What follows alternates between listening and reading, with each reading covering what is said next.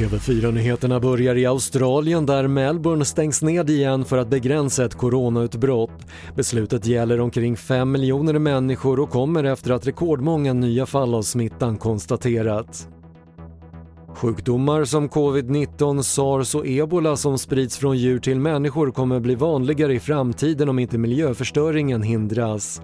Det skriver FN i en ny rapport och förutom stora ekonomiska konsekvenser menar de att miljontals människoliv hotas. De svenska nöjesparkerna kräver sammanlagt 1,5 miljarder kronor i ersättning av regeringen. Svenska nöjesparksföreningen säger att man ställs på ruinens brant och föreningen menar att man inte får öppna i sommar, i praktiken är ett näringsförbud. Och den 20-åriga nedåtgående trenden i antalet skickade brev ser ut att ha brutits. Försäljningen av frimärken och förpackningar med porto har ökat med 30% under våren enligt Postnord som tidigare sett en ökning i paket och hemleveranser vilket man kopplar till coronapandemin. Det var det senaste från TV4 Nyheterna. Jag heter Patrik Lindström.